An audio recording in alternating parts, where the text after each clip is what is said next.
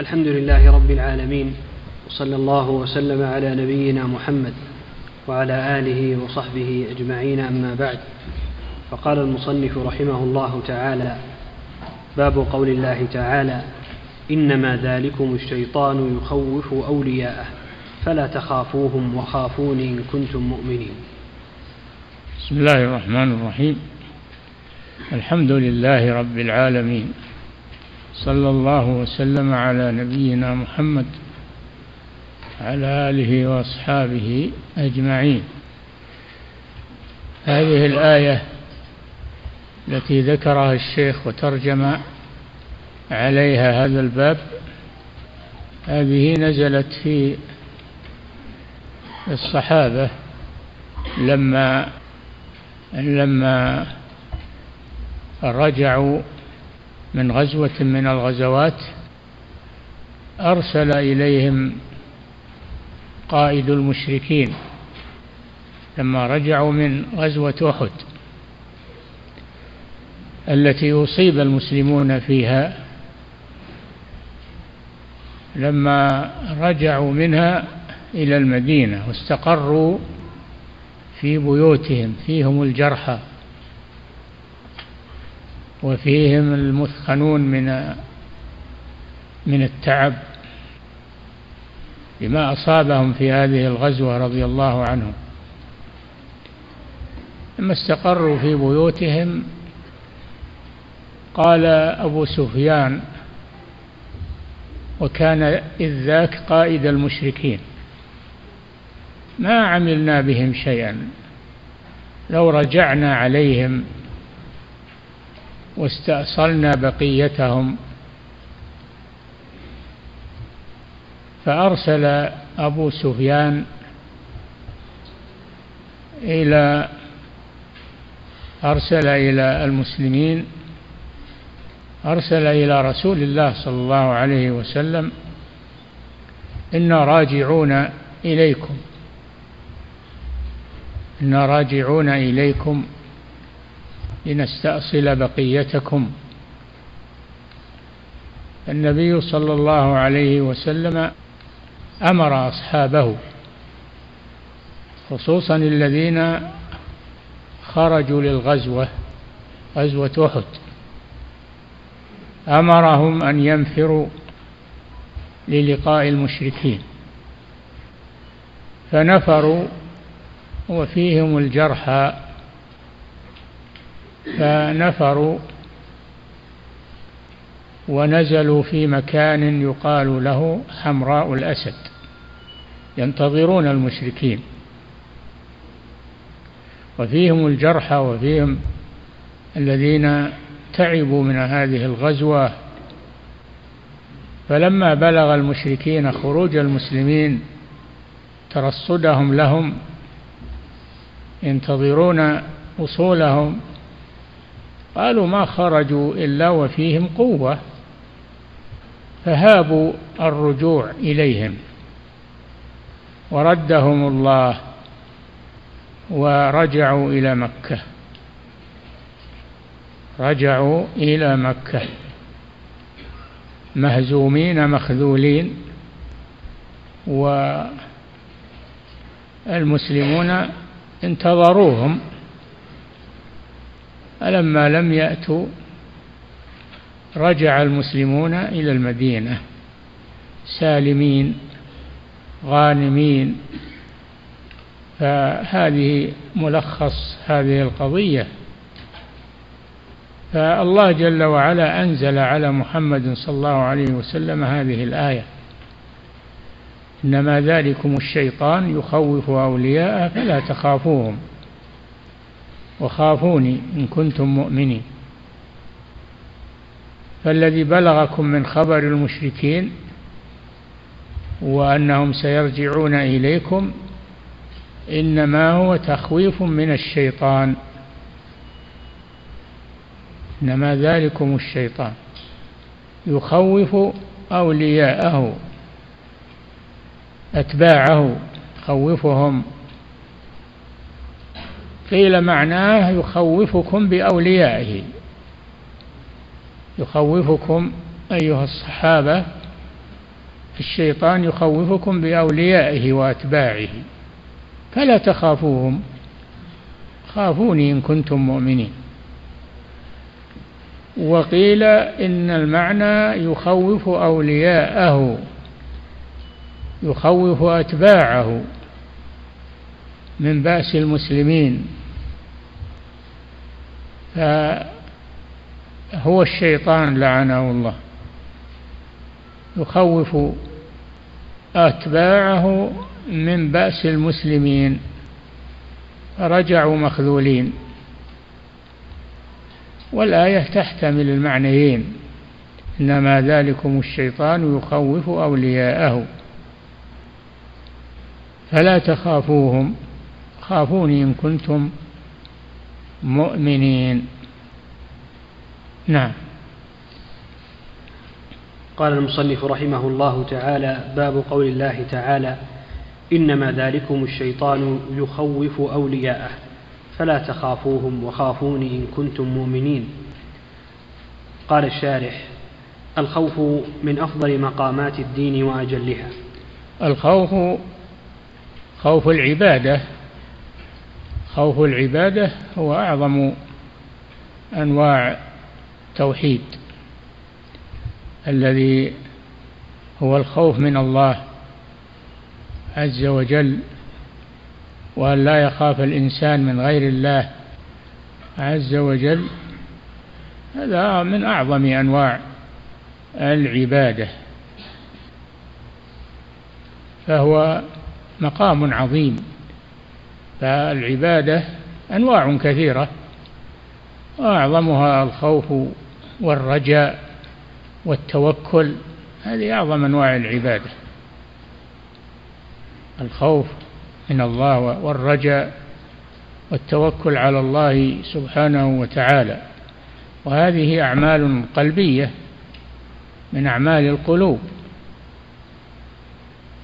الله جل وعلا يقول لا تخافوا من المشركين وتهديدهم وخافوني إن كنتم مؤمنين. فهذا حاصل ما قيل في هذه الآية الكريمة. نعم. الخوف من أفضل مقامات الدين وأجلها وأجمع أنواع العبادة التي يجب إخلاصها لله تعالى. أي نعم وهو خوف العبادة الخوف من الله سبحانه وتعالى. هذا أعظم أنواع العبادة أو أو هو من أعظم أنواع العبادة. نعم. قال الله تعالى يخافون ربهم من فوقهم. يخافون ربهم من فوقهم. يخافون أي المؤمنون. يخافون ربهم من فوقهم لأن الله في العلو سبحانه. وهذه الآية من أدلة علو الله على خلقه علو الذات وعلو القدر وعلو القهر ثلاثة أنواع ثلاثة أنواع للعلو. كلها لله ثابتة لله عز وجل. نعم. وقال ولمن خاف مقام ربه جنتان. وقال سبحانه وتعالى ولمن خاف مقام ربه أي مقامه بين يدي ربه ولقاءه لربه لمن خاف ذلك واستعد له بالأعمال الصالحة وترك الأعمال السيئة له جنتان. ليست جنة واحدة بل جنتان. وهذا وعد عظيم من الله سبحانه وتعالى لمن خافه واتقاه. نعم. وقال تعالى وهم من خشية وهم من خشيته مشفقون. وهم من خشيته أي خوفه الخشية هي الخوف نوع من الخوف مشفقون أي خائفون من الله سبحانه وتعالى والإشفاق هو الخوف. فهذه الآية فيها تعظيم الخوف من الله سبحانه وتعالى. نعم. وقال تعالى وإياي فارهبون. وإياي فارهبون يعني خافون. ارهبون يعني خافوني لأن الرهب هو الخوف. وإياي فارهبون. وقدم إياي قدم إياي على الفعل لأجل الإخلاص في الرهب. وهذا ما يسمى تقديم المعمول على العامل لإفادة الحصر. وإياي فارهبون أي لا ترهبوا من غيري. رهب العبادة. أما أن الإنسان يخاف خوفا طبيعيا من السباع من من الثعابين من الذئاب من العدو هذا خوف طبيعي ما يضر. إنما الخوف خوف العبادة هو الذي لا يجوز للمسلم أن يخاف إلا من الله عز وجل. نعم. وقال تعالى فلا تخشوا الناس واخشون الخشية هي الخوف. فلا تخشوا الناس واخشوني إن كنتم مؤمنين. فمن خشي الله أمنه من الناس وحماه من الناس. نعم. وأمثال هذه الآيات في القرآن كثير والخوف من حيث هو ثلاثة أقسام. نعم. أحدها خوف السر. خوف السر وهو خوف العبادة. خوف العبادة خوف الله جل وعلا. وهذا لا يجوز أن يشرك مع الله غيره فيه. نعم. أحدها خوف السر وهو أن يخاف من غير الله من وثن أو طاغوت أن يصيبه بما يكره. كما قال تعالى عن قوم هود إنهم قالوا له إن نقول إلا اعتراك بعض آلهتنا بسوء. قال إني أشهد الله واشهدوا أني بريء مما تشركون من دونه فكيدوني جميعا ثم لا تنظرون. فالمشركون يخافون من غير الله. خوف العبادة يخافون من أصنامهم خافوا ولذلك عبدوه عبدوها يخافون من آه، أذى المشركين لهم فيتركون ما أمرهم الله به خوفا من المشركين أو خوفا من الناس. فلا يجوز للإنسان أن يخاف في الله لومة لائم. أن يخاف الله وحده. وهذا هو خوف العبادة خوف السر. نعم. وقال تعالى ويخوفونك بالذين من دونه. نعم فقوم هود لما دعاهم إلى الله وبين لهم ما هم عليه من الشرك في عبادة الأصنام وأمرهم بعبادة الله هددوه بآلهتهم. قالوا إن نقول إلا اعتراك بعض آلهتنا بسوء يخوفونه بالأصنام أنها تصيبه. وهذا موجود عند المشركين اليوم من القبوريين وغيرهم يخوفون بالموتى وأصحاب القبور يخوفون بالميت إنه يصيبك وإنه يقتل ولدك وانه وإنه وإنه. موجود هذا. فهو الذي هدد به هدد به قوم قوم هود نبيهم هودا عليه السلام. إن نقول إلا اعتراك بعض آلهتنا هل أنت هل أصابك وصرت تدعو الناس إلى عبادة الله وتدعوهم إلى دين الله تخوفهم من الشرك؟ هذا إنما هو إصابة من الأوثان. أصابتك. إن نقول إلا اعتراك بعض آلهتنا بسوء. ماذا قال لهم؟ قال إني أشهد الله. واشهدوا. أني بريء مما تشركون من دونه. فكيدوني جميعا. ثم لا تنظرون. إني توكلت على الله ربي وربكم.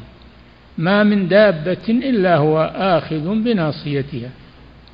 إن ربي على صراط مستقيم. فهو قابلهم بهذا الجواب الباهر العظيم.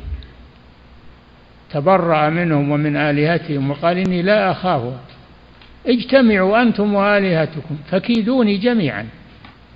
تحدي رجل واحد يقف أمام دولة عظيمة عظام الأجسام.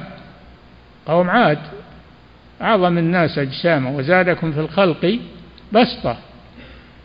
يقف أمامهم رجل واحد ويهددهم هذا التهديد. هذا دليل على أنه رسول الله وأنه من عند الله وأنه لا يخاف في الله لومة لائم.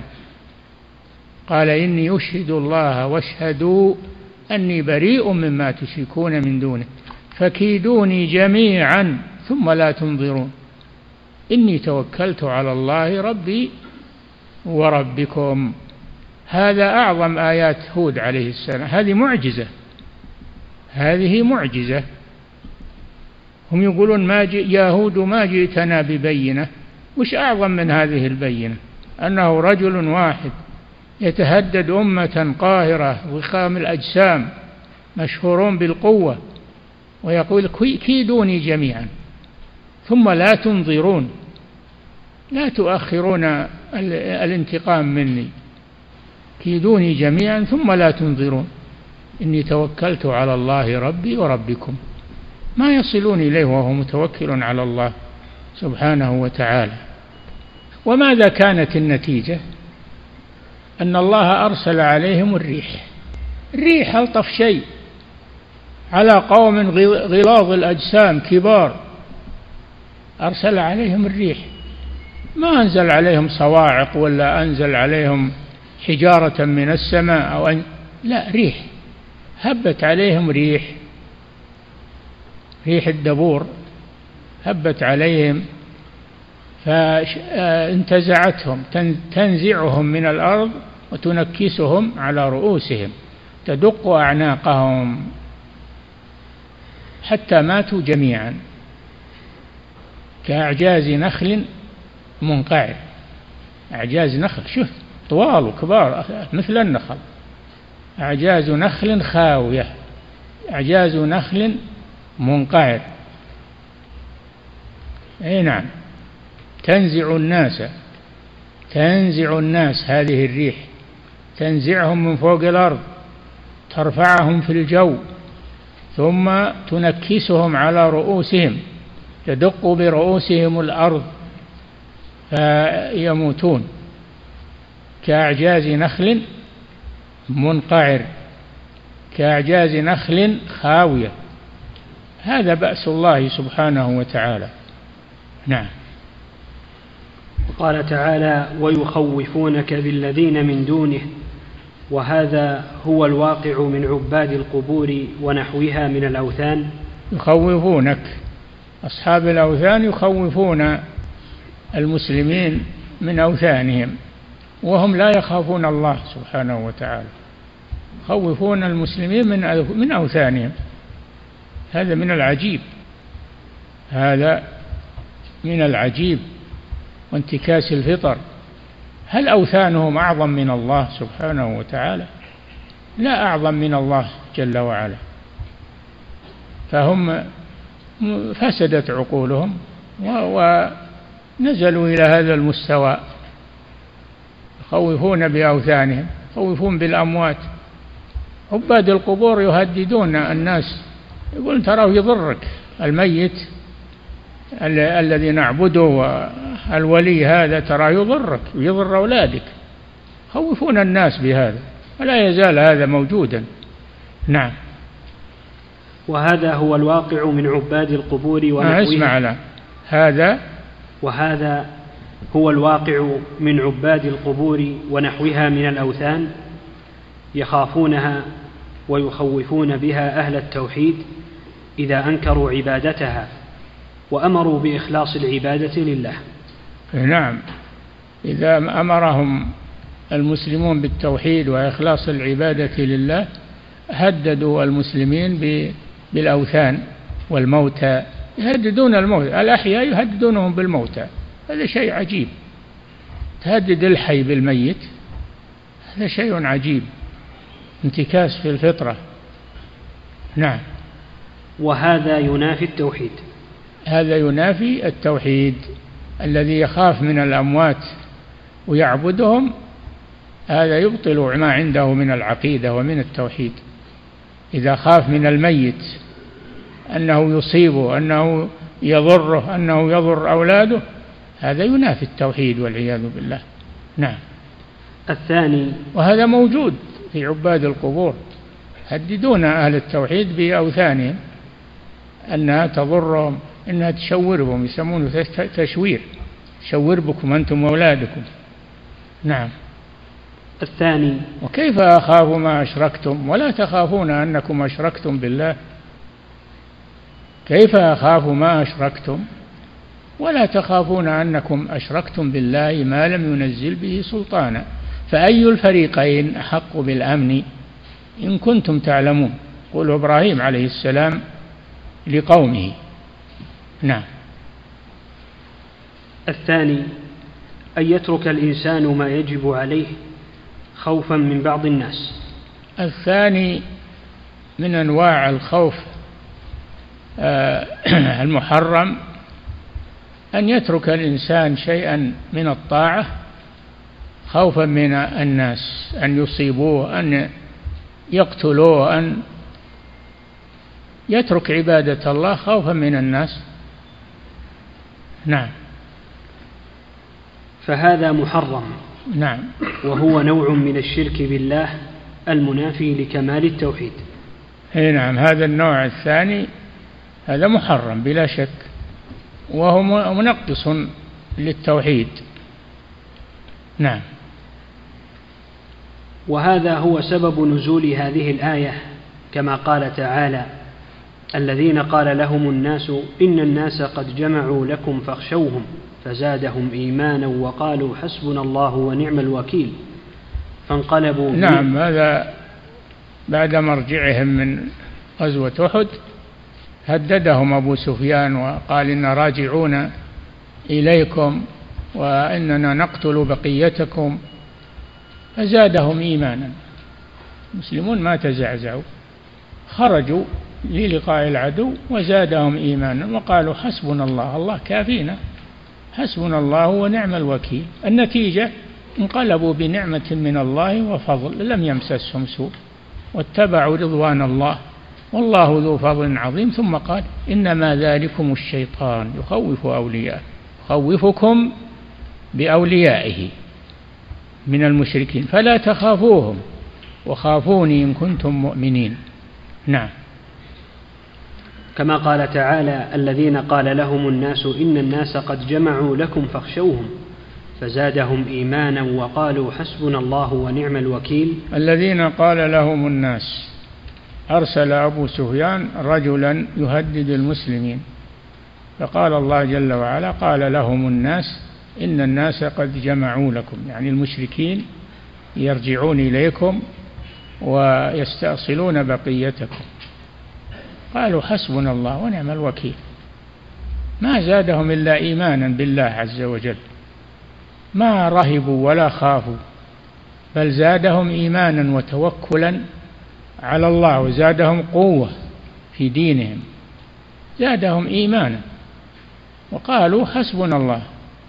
أنتم تقولون الناس جمعوا لكم أن حسبنا الله. الله جل وعلا هو الذي بيده نواصي الناس ونواصي العباد. نعم. فانقلبوا بنعمة من الله وفضل لم رجعوا إلى المدينة. رجعوا إلى المدينة سالمين غانمين. انقلبوا بنعمة من الله وفضل. لم يمسسهم سوء واتبعوا رضوان الله. والله ذو فضل عظيم. نعم. فانقلبوا بنعمة من الله وفضل لم يمسسهم سوء واتبعوا رضوان الله. والله ذو فضل عظيم. إنما ذلكم الشيطان يخوف أولياءه. إنما هذا الخبر اللي جاءكم هو الشيطان. إبليس لعنه الله. يخوف أولياءه يخوفكم بأوليائه أو يخوف أولياءه الذين اتبعوه يخوفهم من المسلمين. نعم. إنما ذلكم الشيطان يخوف أولياءه فلا تخافوهم وخافون إن كنتم مؤمنين. نعم. وفي الحديث إن الله تعالى يقول للعبد يوم القيامة ما منعك إذ رأيت المنكر ألا تغيره؟ فيقول رب خشيت الناس. فيقول إياي كنت أحق أن تخشى. ما منعك إذ رأيت المنكر ألا تغيره؟ فيقول خشيت الناس. فيقول الله إياي أحق أن تخشى. فهذا يوم القيامة سيحصل لمن خاف الناس لمن خاف الناس بما يسخط الله عز وجل. خاف الناس بما يسخط الله عز وجل. ترك ما أوجبه الله عليه خوفا من الناس. رأى المنكر ولم يغيره وعنده قدرة والعدل اللي ما عنده قدرة يكون معذورا. لكن عنده قدرة على إنكار المنكر لكنه لم يغيره خوفا من الناس. فيكون موقفه عند الله يوم القيامة هو ما ذكر هنا. ما منعك إذ رأيت المنكر ألا تغيره؟ فيقول يا ربي خشيت الناس. فيقول إياي أحق أن تخشاه. فمن رأى منكرا وهو يقدر على تغييره باليد فإنه ينكره باليد إذا كان له سلطة وقدرة. فإذا لم يكن له قدرة وسلطة ينكره بلسانه يبين بطلانه ويبين ويحذر منه ويدعو الناس إلى توحيد الله وعبادة الله هذا التغيير باللسان. فإذا لم يستطع باللسان يغيره بقلبه ينكره ويبتعد عنه وعن أهله ويقاطعهم. قال صلى الله عليه وسلم من رأى منكم من رأى منكم هذا خطاب للمسلمين. منكرا فليغيره بيده. هذا لأصحاب اليد والسلطة.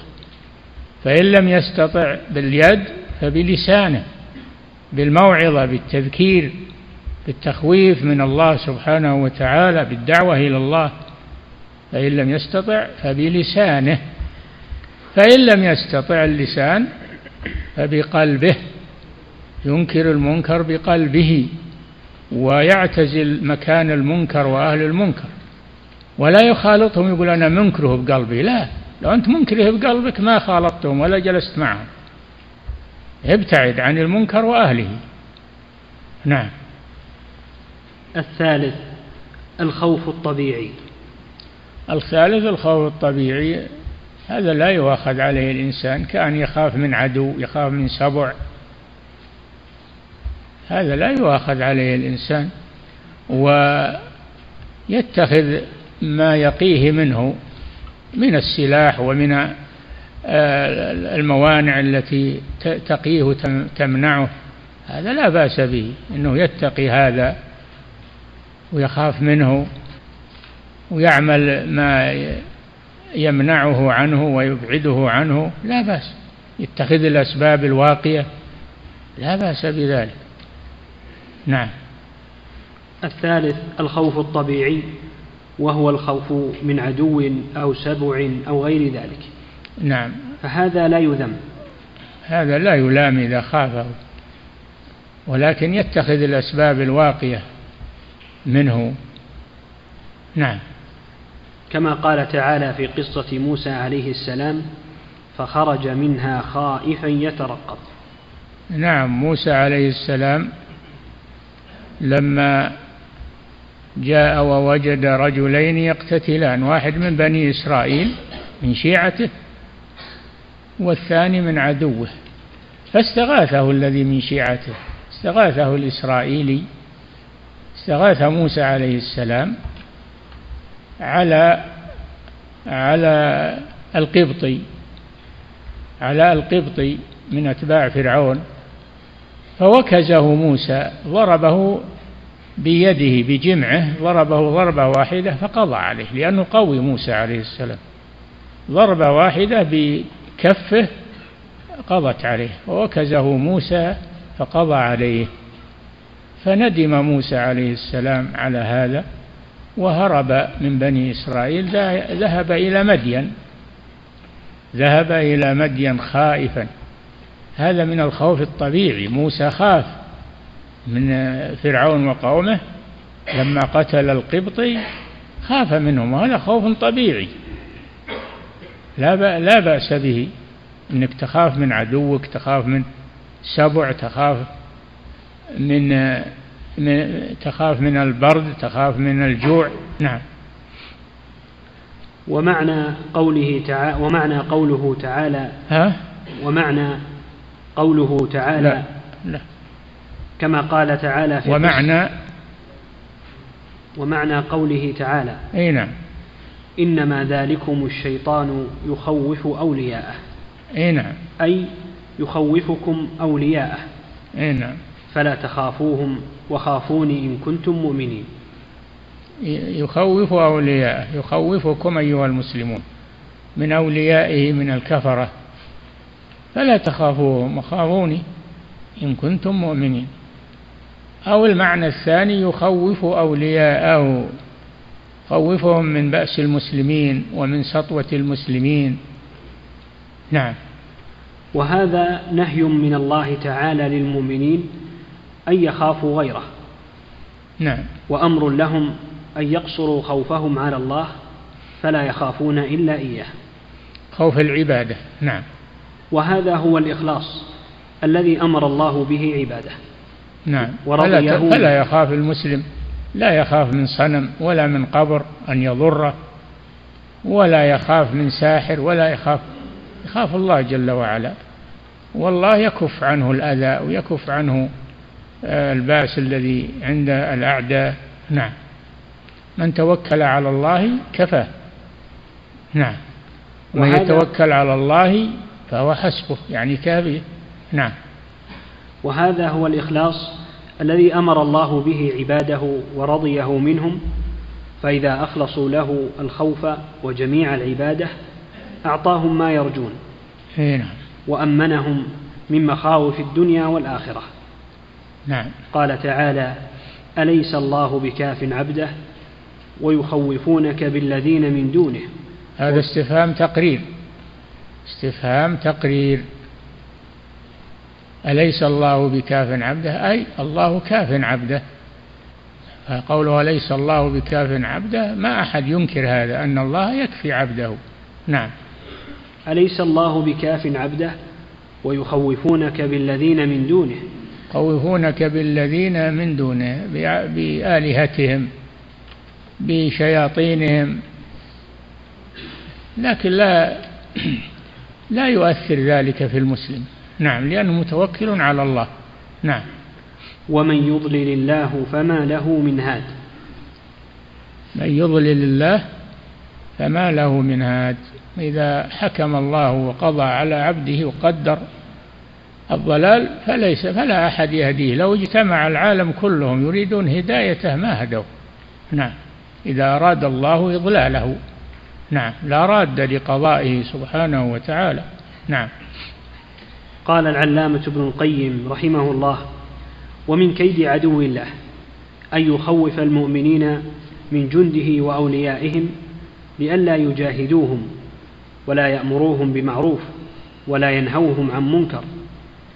وأخبر تعالى أن هذا من كيد الشيطان وتخويفه ونهانا أن نخافه. إغاثة اللهفان من مصائد الشيطان. هذا من من كلام ابن القيم في هذا الكتاب. نعم. قال والمعنى عند جميع المفسرين يخوفكم بأوليائه. نعم. قال قتادة يعظمهم في صدوركم. فكلما قوي إيمان العبد زال من قلبه خوف أولياء الشيطان. نعم. وكلما ضعف إيمانه قوي خوفه منهم.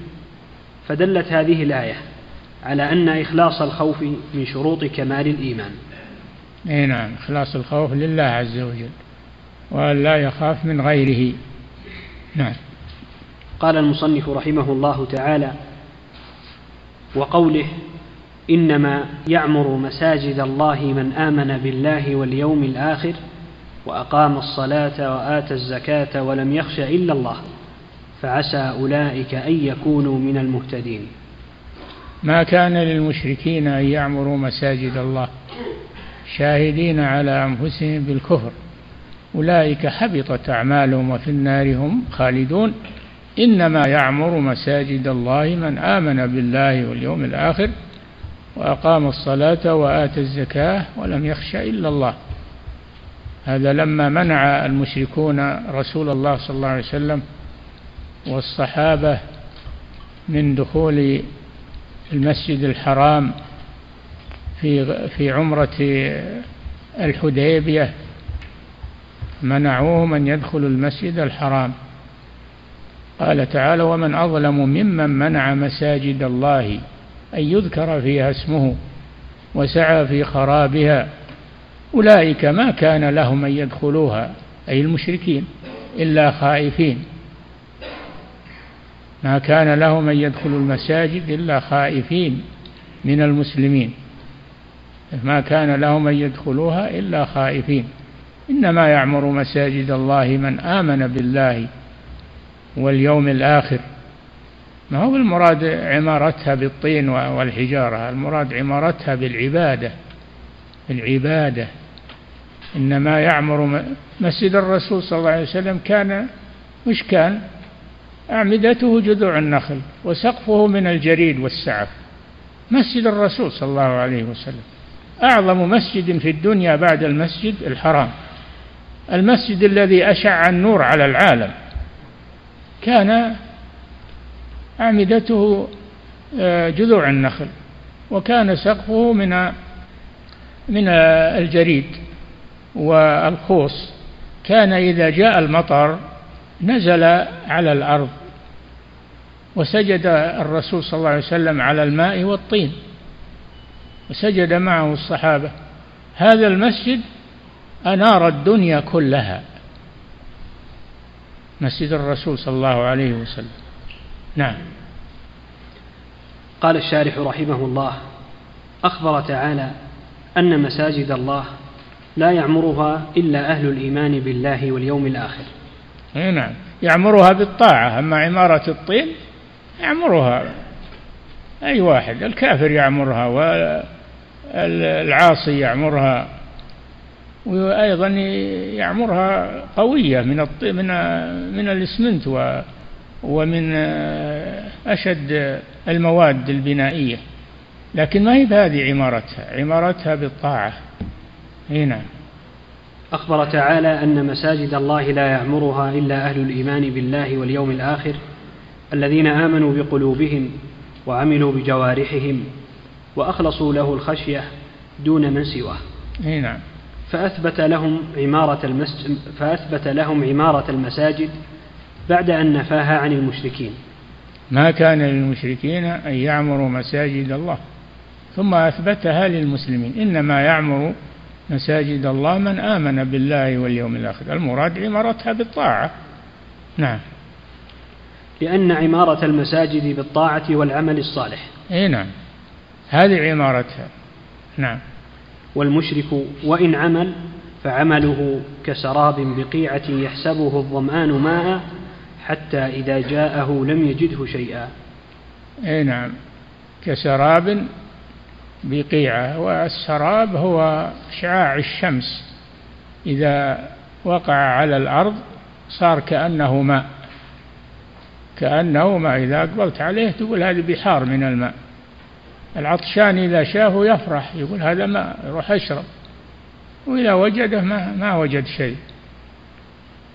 كسراب بقيعة يحسبه الظمآن ماء حتى إذا جاءه لم يجده شيئا.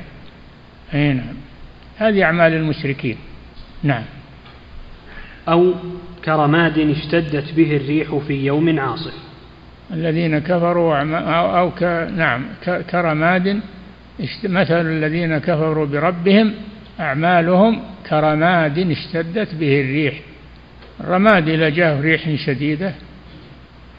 طير تروح. كذلك عمل المشرك. لو عمل أعمالا صالحة وهو على الشرك فهي مثل الرماد اللي تهبها الريح. ما في فائدة نعم. كسراب بقيعة أو كرماد. نعم. وما كان كذلك فالعدم خير منه. أي نعم. فلا تكون المساجد عامرة إلا بالإيمان الذي معظمه التوحيد. نعم. إنما يعمر مساجد الله من آمن بالله واليوم الآخر وأقام الصلاة وآتى الزكاة ولم يخش إلا الله. هذا اللي عمارة المساجد الحقيقية. نعم. فلا تكون المساجد عامرة إلا بالإيمان الذي معظمه التوحيد مع العمل الصالح الخالص من شوائب الشرك والبدع. نعم. وذلك كله داخل في مسمى الإيمان المطلق عند أهل السنة والجماعة.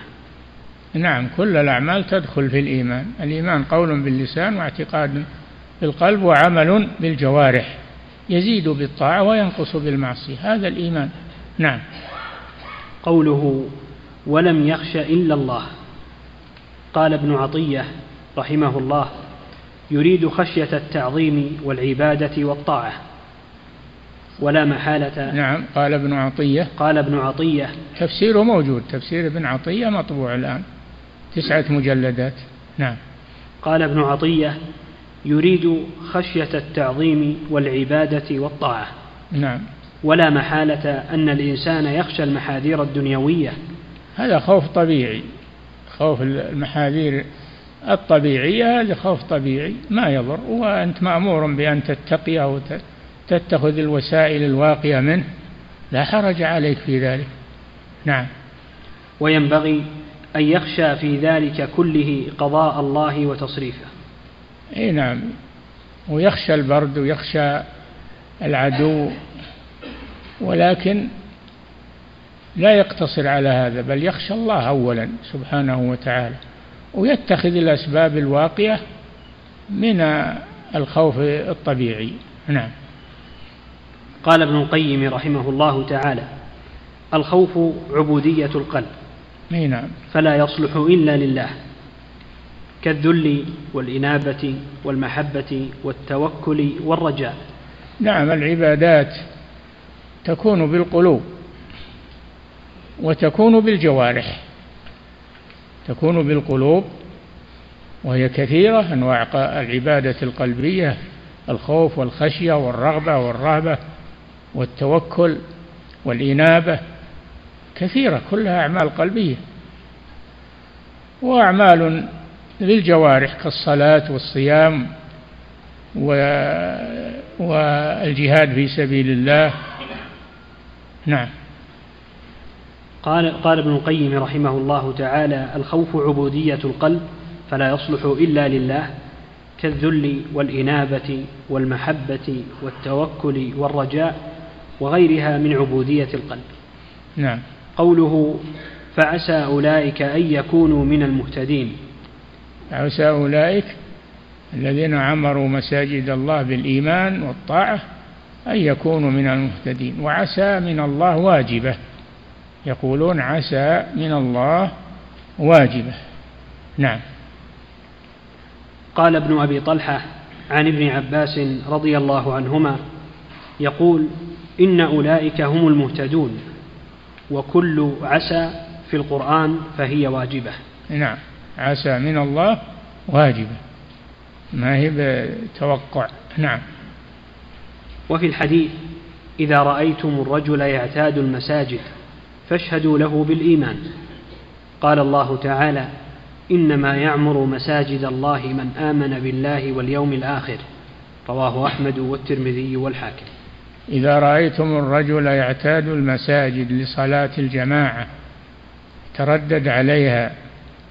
ما هو مرة أو مرتين ويهون لا يداوم على ذلك. يعتاد المساجد فاشهدوا له بالإيمان. بدليل قوله تعالى إنما يعمر مساجد الله من آمن بالله واليوم الآخر وأقام الصلاة وآتى الزكاة ولم يخش إلا الله. نعم.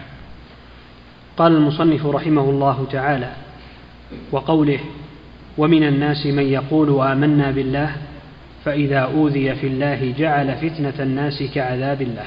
نقف على هذا. نعم. أحسن الله إليكم فضيلة الشيخ. هذا سائل يقول هل الخوف من الموت يعد خوفا طبيعيا؟ إي نعم. خوف من الموت الخوف من العدو والخوف من الجوع الخوف من السبع كل هذه خوف طبيعي. نعم. أحسن الله إليكم فضيلة الشيخ. هذا سائل يقول ما الضابط في خوف العبادة كيف نميز بينه وبين الخوف الطبيعي؟ هو العبادة الذي معه محبة خوف ومحبة. معه محبة للمخوف وهذا لا يكون إلا لله. يجتمع أن أن الله يخاف ويحب سبحانه وتعالى. نعم. أحسن الله إليكم فضيلة الشيخ هذا سائل يقول متى يصير الخوف من الجن؟ خوفا شركيا. الخوف من الجن والإنس. يكون شركا إذا خافهم في طاعة الله ترك العبادة من أجل خوفهم من أجل خوف الجن والإنس. هذا خوف شرك. هنا أحسن الله إليكم فضيلة الشيخ. هذا سائل يقول ترك الأمر بالمعروف وهو يقدر عليه خوفا من الناس. هذا هذا أيضا من الخوف المذموم. نعم.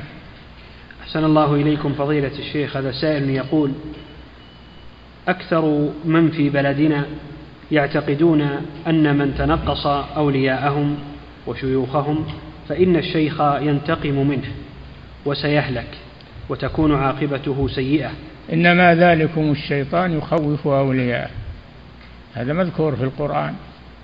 إنما ذلكم الشيطان يخوف أولياءه. فليقول إن الميت بيضرك إما ذبحت له إما نذرت له إما هذا هو الذي ذكره الله عز وجل. إنما ذلكم الشيطان يخوف أولياءه. فلا تخافوهم وخافوني إن كنتم مؤمنين. نعم. أحسن الله إليكم فضيلة الشيخ هذا سائل يقول عندما أرى منكرا من مسؤول يقول ولا أستطيع أن أنكر عليه خوفا من اللوم أو العقاب. فهل هذا من الخوف المحرم وهل هو من الشرك؟ بلغ عنه. إذا كان مسؤول بلغ عنه من هو تحت إدارته. بلغ عنه المدير أو رئيس الدائرة بلغ عنه. نعم. ولا تبرأ ذمتك إلا بذلك. نعم. أحسن الله إليكم فضيلة الشيخ. هذا سائل يقول كثير منا يرى المنكرات في الأسواق ولا يتكلم وينكر بقلبه. هل هو آثم؟ ما يكفي الإنكار بالقلب. انصح اللي عندهم عمل منكرات انصحهم.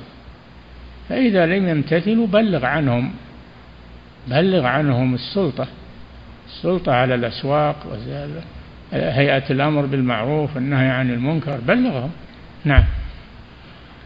أحسن الله إليكم فضيلة الشيخ هذا سائل يقول هل يجوز التخلف عن صلاة الجماعة خوفا من أذى أحد الجماعة جماعة المسجد؟ يقول لأنه سليط اللسان. لا ما يجوز هذا. يجوز يتخلف إذا كان عدو يضره في قتله أو في جرحه أو ضربه. أما إنسان بلسانه اتركه روح صل. نعم خلي لسانه له. نعم. أحسن الله إليكم فضيلة الشيخ هذا سائل يقول لماذا سمي خوف العبادة خوف السر؟ بين العبد وبين ربه. لأنه بين العبد وبين ربه لا يعلمه إلا الله. نعم.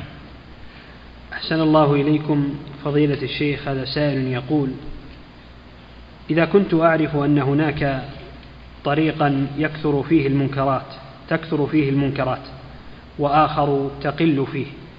فهل يجوز فهل يجوز لي أن أتجنب الطريق الذي يكثر فيه المنكرات؟ إذا لم تقم بالواجب تخاف أو رح مع الطريق السليم. أما إذا كنت تقوم بالواجب وتبلغ وتعظ وتذكر فخذ الطريق اللي فيه المنكرات. كلك الأجر كلك إنكار المنكر. نعم. أحسن الله إليكم فضيلة الشيخ هذا سائل يقول زملائي في العمل كثير منهم يسمع الأغاني ويشرب الدخان وأنكر عليهم أحيانا وأسكت أحيانا فهل سكوتي أحيانا فيه شيء؟ ما يكفي أنك تسكت. انتقل انتقل إلى مكان عمل آخر. الوظائف كثيرة مجالات العمل كثيرة فإذا لم يطب لك مكان أطلب النقل إلى مكان آخر. نعم. أحسن الله إليكم فضيلة الشيخ هذا سائل يقول مررت بمكان لا أعرفه ليلا وكنت مع أمي ودخل وقت الصلاة فخفت على أمي أن أتركها لوحدها وأدخل للمسجد. يقول فهل لي أن أصلي في مثل هذه الحالة في البيت؟ لماذا تدخل بأمك في المسجد؟ تجلسها في مكان من المسجد وتصلي مع الجماعة. نعم. أحسن الله إليكم فضيلة الشيخ هذا سائل يقول هناك من يقول أن مفهوم العبادة هو الحب لله فقط دون الذل والخضوع لأن الله لا يريد لعباده الذل. فهل هذا التعبير هذا هو الذليل اللي يقول الكلام هذا هو الذليل. ما يجوز الكلام هذا. ما يجوز هذا الكلام.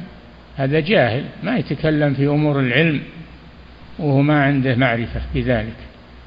نعم. أحسن الله إليكم فضيلة الشيخ هذا سائل يقول هل تفسير ابن عطية من التفاسير المعتبرة؟ نعم. من التفاسير المعتبرة. تفسير جيد. نعم. أحسن الله إليكم فضيلة الشيخ هذا سائل يقول إذا تفشت معصية معينة كحلق اللحية أو الإسبال. يقول فهل يجب علي أن أنكر على كل شخص أراه؟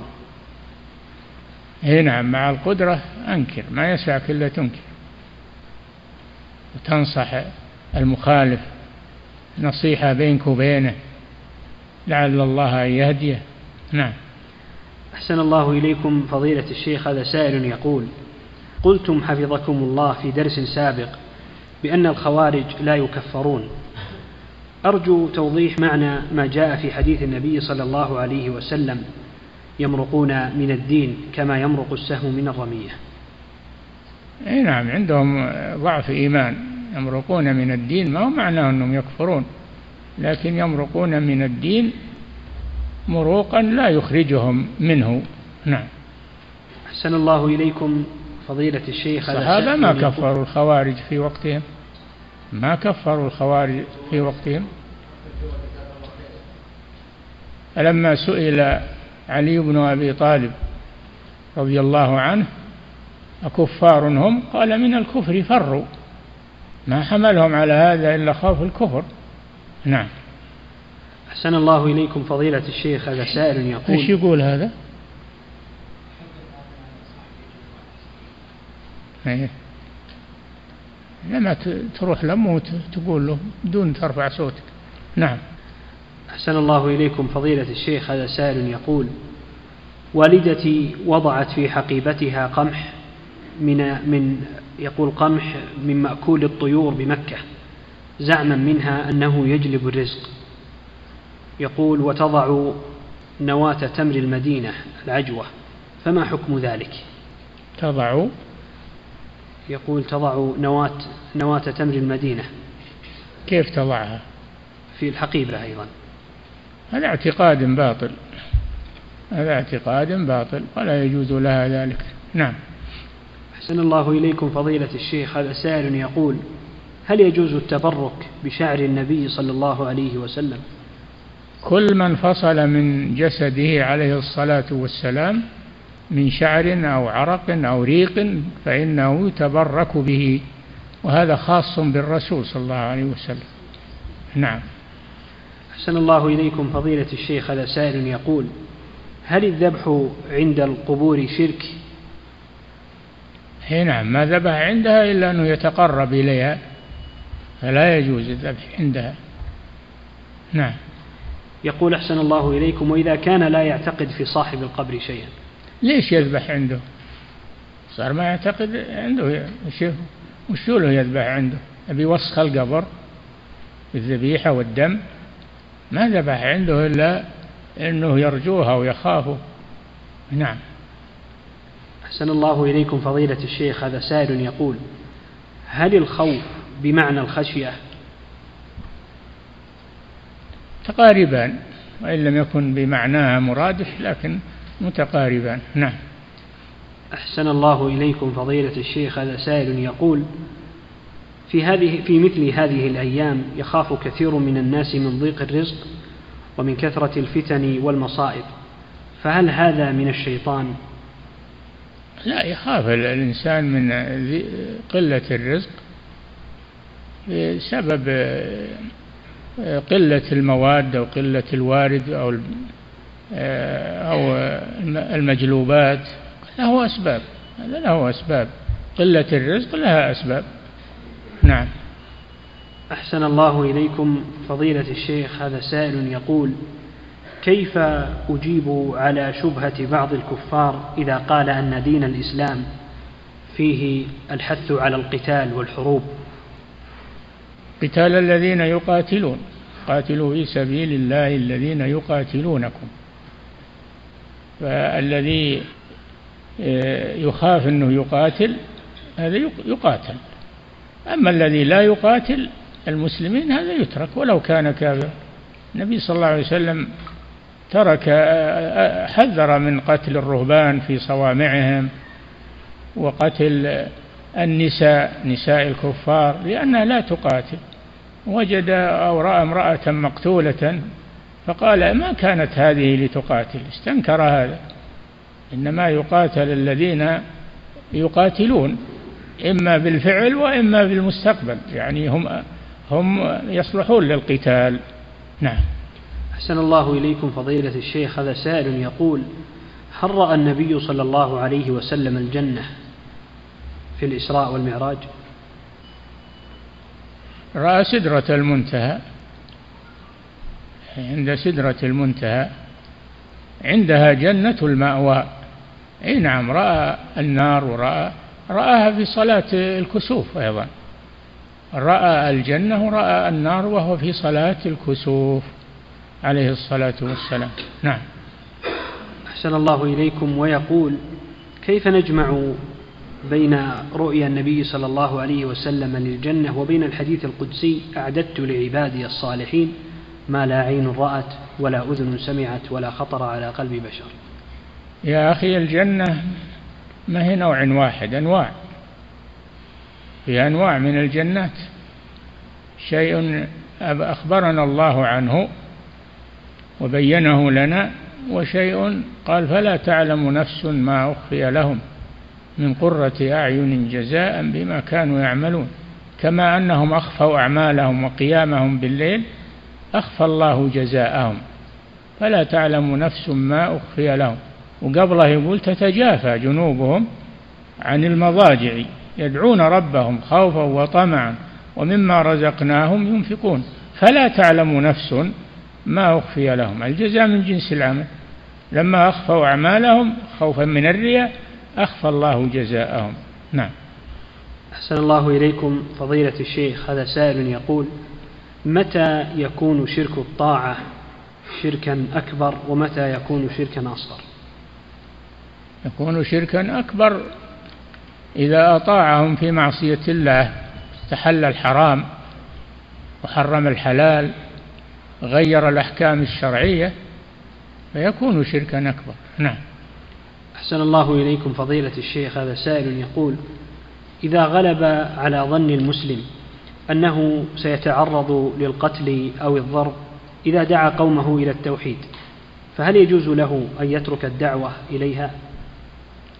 إذا خاف منهم يتركها إلى حين إلى حين أنه آه، يأمن. وأيضا يدعوهم بالتي هي أحسن. لا يجابههم بل يدعوهم بالتي هي أحسن. حتى يكون له سلطة وقوة بعد ذلك. نعم. أحسن الله إليكم فضيلة الشيخ هذا سائل يقول في الحديث إذا رأيتم الرجل يعتاد المسجد فاشهدوا له بالإيمان كيف تكون الشهادة له بالإيمان؟ هل يكون بتعديله؟ اشهدوا له بالإيمان اعرفوه بالإيمان. معرفة شهادة معرفة أنه مؤمن. نعم. أحسن الله إليكم فضيلة الشيخ هذا سائل يقول إذا كنت في بلاد يعادى فيها من يطيل لحيته فهل إذا قصرت لحيتي يكون من خوف الناس؟ إي نعم ما داموا ما يمنعونك منع فلا تخاف لومهم ما عليك من لومهم اتبع السنة واتركه نعم. أحسن الله إليكم فضيلة الشيخ هذا سائل يقول أعمل في شركة تقوم بتوزيع هدايا على الموظفين لأولادهم؟ بمناسبة عيد, أه؟ عيد يقول أعمل في شركة تقوم بتوزيع الهدايا على الموظفين لأولادهم بمناسبة عيد ميلاد المسيح حسب اعتقادهم. فما حكم قبول هذه الهدايا؟ لا تقبلها ولا تأخذها. هذا موافقة لهم على هذا العمل. نعم. أحسن الله إليكم. فضيلة الشيخ هذا سائل يقول ما حكم من يخاف من الجن أن يصيبوه بالأمراض وهو وسواس ينغص عليه حياته؟ يستعيذ بالله من من الجن ويستعيذ بالله من الشياطين يستعيذ بالله من الأشرار ويذهب عنه إن شاء الله. نعم. أحسن الله إليكم فضيلة الشيخ هذا سائل يقول هل الخوف من العائن والساحر يعد من الشرك؟ لا. هذا خوف من أشياء طبيعية فيبتعد عن الساحر ويبتعد عن العاين ويسلم من شرهم. نعم. أحسن الله إليكم فضيلة الشيخ هذا سائل يقول إذا تقدم للزواج من كان ذا دين وخلق ورد وتم رده لعدم تكافؤ النسب هل يأثم ولي الأمر في ذلك؟ ولي أمر المرأة يعني؟ نعم ها؟ نعم. الله هذا يعني يتبع فيه المصلحة. إذا كان إذا زوجها من أحد لا يرتضيها قاربها يمكن يحصل فتنة ويحصل شر. الله يرزقها خيرا منه. شيء ما يحصل فيه فتنة ولا أي نعم. أحسن الله إليكم فضيلة الشيخ هذا سائل يقول هل تجوز مؤاكلة الكافر؟ إي نعم الطعام المباح ما في بس الطعام المباح تأكل ولو كان يأكل معك كافر. نعم. أحسن الله إليكم فضيلة الشيخ. هذا سائل يقول متى يكفر من جحد الإجماع؟ يكفر إذا جحده. الإجماع هو أحد الأدلة أحد الأدلة المتفق المجمع عليها. كتاب والسنة والإجماع. هو الدليل الثالث. والرابع القياس مختلف فيه. ثم عاد يأتي استصحاب الأصل والمصالح المرسلة وأشياء كثيرة. يعرفها الأصوليون. نعم. أحسن الله إليكم فضيلة الشيخ وهذا سائل يقول نعم. هذا سائل يقول يقول الله جل وعلا يقول ويتبع غير سبيل المؤمنين. يعني الإجماع. توعده الله ليتبع غير سبيل المؤمنين توعده الله بوعيد شديد. فلا يجوز مخالفة الإجماع. نعم. أحسن الله إليكم فضيلة الشيخ. هذا سائل يقول يقول بعض أهل العلم فعل الطاعة لأجل الناس رياء وترك الطاعة بسبب الناس شرك. يقول ما رأيكم بهذه العبارة؟ العمل من أجل الناس شرك ما هو هذا قلب العبارة. العمل من أجل الناس شرك وترك العمل من أجل الناس هذا رياء. نعم. أحسن الله إليكم فضيلة الشيخ هذا سائل يقول هل يجوز مسح الشراب إذا كان من القطن عند الوضوء؟ كل ما يستر الرجلين من القطن أو من الصوف أو من غيره يمسح عليه نعم أحسن الله إليكم فضيلة الشيخ هذا سائل يقول هذا سائل يقول هل يجوز استعمال كلتا اليدين عند الأكل؟ كيف؟ يأكل بيديه كلهن؟ ما هو واضح نعم أحسن الله إليكم فضيلة الشيخ هذا سائل يقول هل هناك فرق بين المشرك والكافر كل مشرك كافر وليس كل كافر مشركا. كل مشرك فهو كافر وليس كل كافر مشركا. قد يكون هذا الكافر لا يعترف بالله عز وجل ويعتبر الطبيعة هي التي تحدث الأشياء. هذا يسمى ملحد هذا الملحد. نعم. ما هو مشرك هذا ملحد. نعم. أحسن الله إليكم فضيلة الشيخ هذا سائل يقول أبي كان مدينا لواحد من أبنائه. يقول أبي كان مدينا لواحد من أبنائه. أبوه؟ نعم. مدينا؟ نعم. كان لواحد من أبنائه. أي نعم. بمبلغ من المال. م. فهل يعتبر هذا دينا على أبي رحمه الله أو يدخل في قوله صلى الله عليه وسلم أنت ومالك لأبيك؟ هو ميت الأبو؟ نعم. يراجعون المحكمة. نعم. أحسن الله إليكم. فضيلة الشيخ هذا سائل يقول تطلب الزوجة الرخصة من زوجها أن تذهب إلى الدرس ولو لمرة في الشهر والزوج يرفض ذلك. يقول ما نصيحتكم لنا؟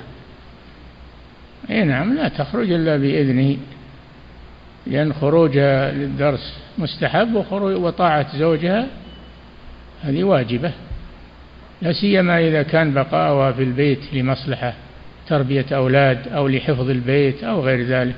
نعم. أحسن الله إليكم فضيلة الشيخ هذه سائلة تقول أنا امرأة كبيرة في السن وكثيرا ما أنسى في صلاتي. وأشك في عدد الركعات التي صليتها وفي الأذكار هل أتيت بها أم لا؟ فهل يقبل الله هذه الصلوات مني وما نصيحتكم لي؟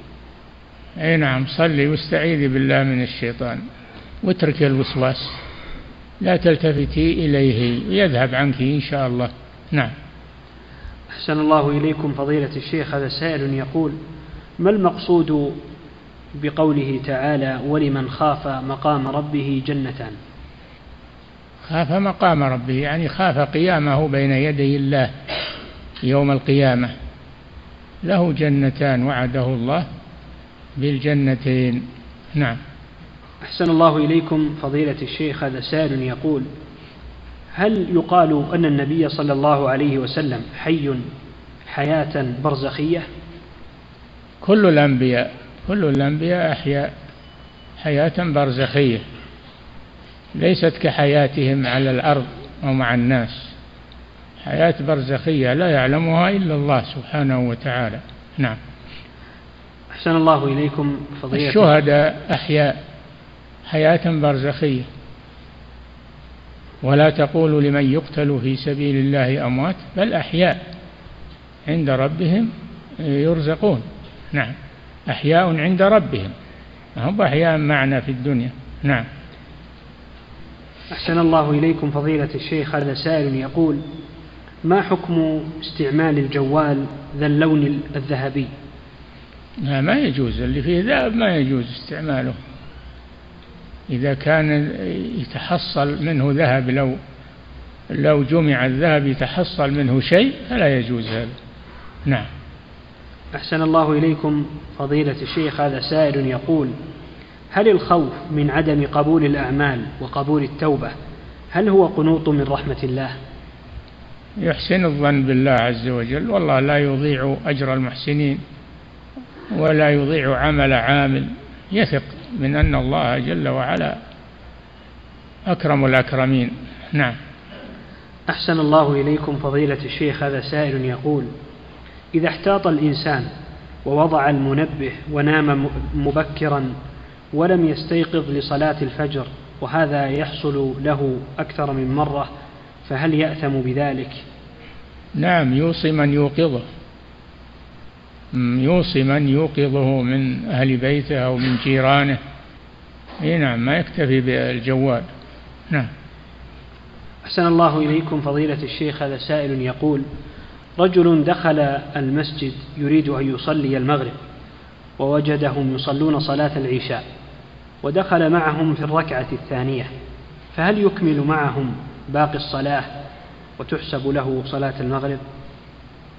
أي نعم يجوز صلاة المغرب خلف من يصلي العشاء والعكس يجوز هذا صلاة خلف صلاة أخرى ولكن لا يزيد على ثلاث ركعات. نعم. أحسن الله إليكم فضيلة الشيخ هذا سائل يقول هل يجوز هل تجوز إعادة يد السارق بعد قطعها؟ لا هو المقصود أن, أن, أن تبقى يده مبتورة يراها الناس. إذا أعيدت صار ما كأنه قطعت إهدارها المقصود إهدارها إهدار يده فلا ينتفع بها. نعم. انتهى.